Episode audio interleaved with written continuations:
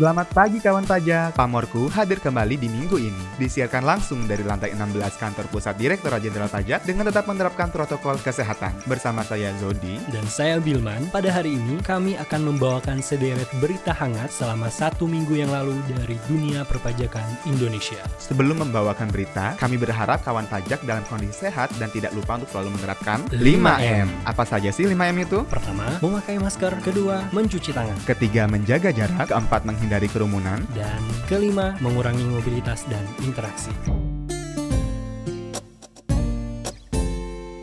Baik, langsung ke berita pertama. Kami punya kabar gembira nih. Pemerintah akhirnya memutuskan pemberian diskon PPNBM bagi pembelian kendaraan bermotor roda 4 dengan kapasitas silinder mesin di atas 1500 sampai dengan 2500 cc. Kebijakan tersebut telah diputuskan dalam rapat koordinasi terbatas atau Rakortas yang dipimpin Menteri Koordinator Bidang Perekonomian Airlangga Hartarto, dihadiri Menteri Perindustrian atau Menperin Agus Gumiwang Kartasasmita dan Menteri Keuangan Sri Mulyani Indrawati. Akhirnya, yang ditunggu-tunggu diputuskan juga ya. Tapi, denger-dengar skemanya beda nih dengan mobil di bawah 1500 cc kemarin. Benar kan Zot? Ada dua skema Bilman terkait dengan diskon PPNBM untuk kendaraan 4x2 dan 4x4. Pertama, skema untuk kendaraan 4x2 adalah diskon 50% untuk tahap 1 yaitu April sampai dengan Agustus 2021.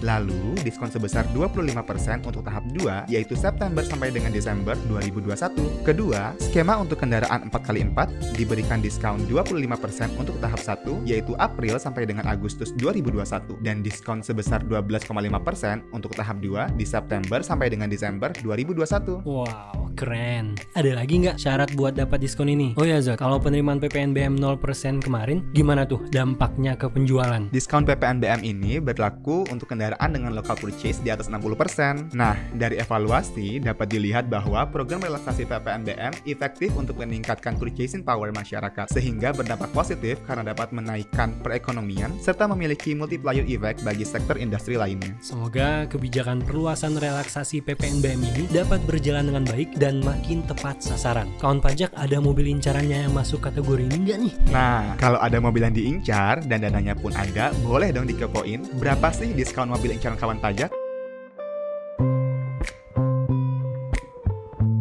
Baik, selanjutnya ada berita apa nih Bilman? Selanjutnya, ada berita mengenai realisasi penerimaan pajak. Kementerian Keuangan melaporkan hingga Februari tahun 2021, realisasi penerimaan pajak tercatat sebesar 146,1 triliun rupiah atau terkontraksi 4,8 persen dibandingkan dengan bulan Februari tahun 2020. Meskipun masih berada dalam level negatif, penerimaan pajak sudah mengindikasikan pemulihan. Sebab jika dibandingkan dengan realisasi pada Januari tahun 2021, penerimaan pajak minus 15,3 persen year on year. Wah, keren sekali ya. Semoga ini mengindikasikan perekonomian negara kita segera bangkit ya. Jenis pajak apa aja nih yang sudah mulai masuk zona positif? Ada empat jenis penerimaan pajak zon yang sudah mulai masuk ke zona positif pada akhir bulan lalu. Misalnya PPH final, PPH pasal 26, dan PPN dalam negeri. Kinerja penerimaan PPH pasal 26 tumbuh karena peningkatan pembayaran dividen, penurunan restitusi, dan pembayaran ketetapan pajak. Penerimaan PPH final juga meningkat karena adanya pembayaran ketetapan pajak. PPN dalam negeri tumbuh positif karena peningkatan daya beli masyarakat. Mantap Bilman. Mantap. Hal ini menandakan pemulihan ekonomi mulai terjadi ya Bilman. Bicara tentang penerimaan pajak, kawan pajak perlu tahu nih kalau vaksin juga dibiayai oleh pajak loh. Bener banget. Pada Senin 22 Maret 2021 kemarin, DJP menggelar puncak acara Spectacular 2021 di kantor pusat Direktorat Jenderal Pajak Republik Indonesia. Acara tersebut adalah bentuk kampanye simpatik pelaporan SPT tahunan Izot. Di masa pandemi ini, DJP mengusung tema pajak untuk vaksin. Kita dengarkan dulu ya keynote speech dari Wakil Menteri Keuangan Republik Indonesia. uang pajak menjadi salah satu tumpuan utama untuk membeli vaksin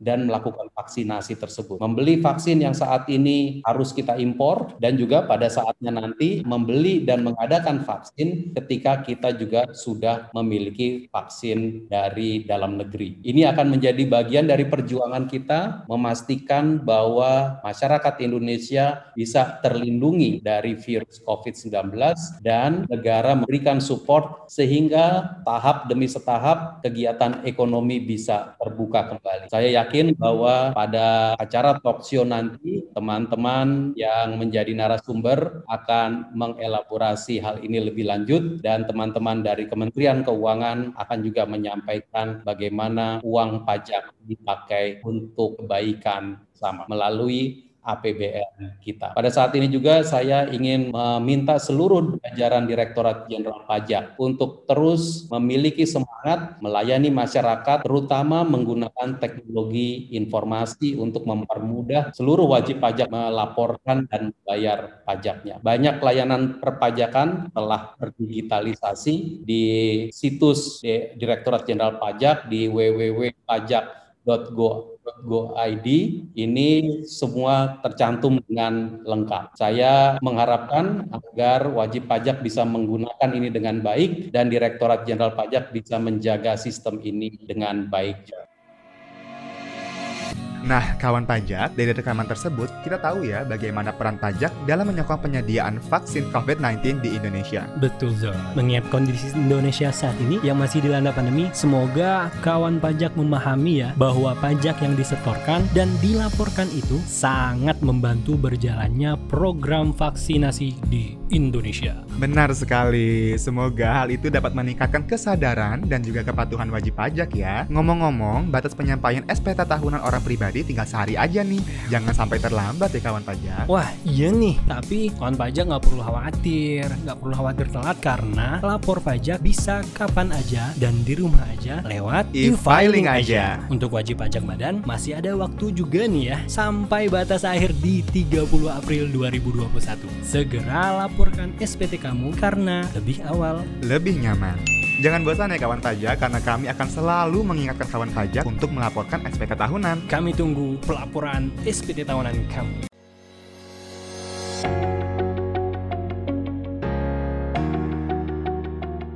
Yap, terima kasih Bilman dan juga semua kawan pajak yang sudah mendengar berita Pamorku di minggu ini. Jangan lupa untuk terus update berita pajak setiap minggu melalui Pamorku, podcast berita kesayangan kita, kita semua. Sampai jumpa. jumpa.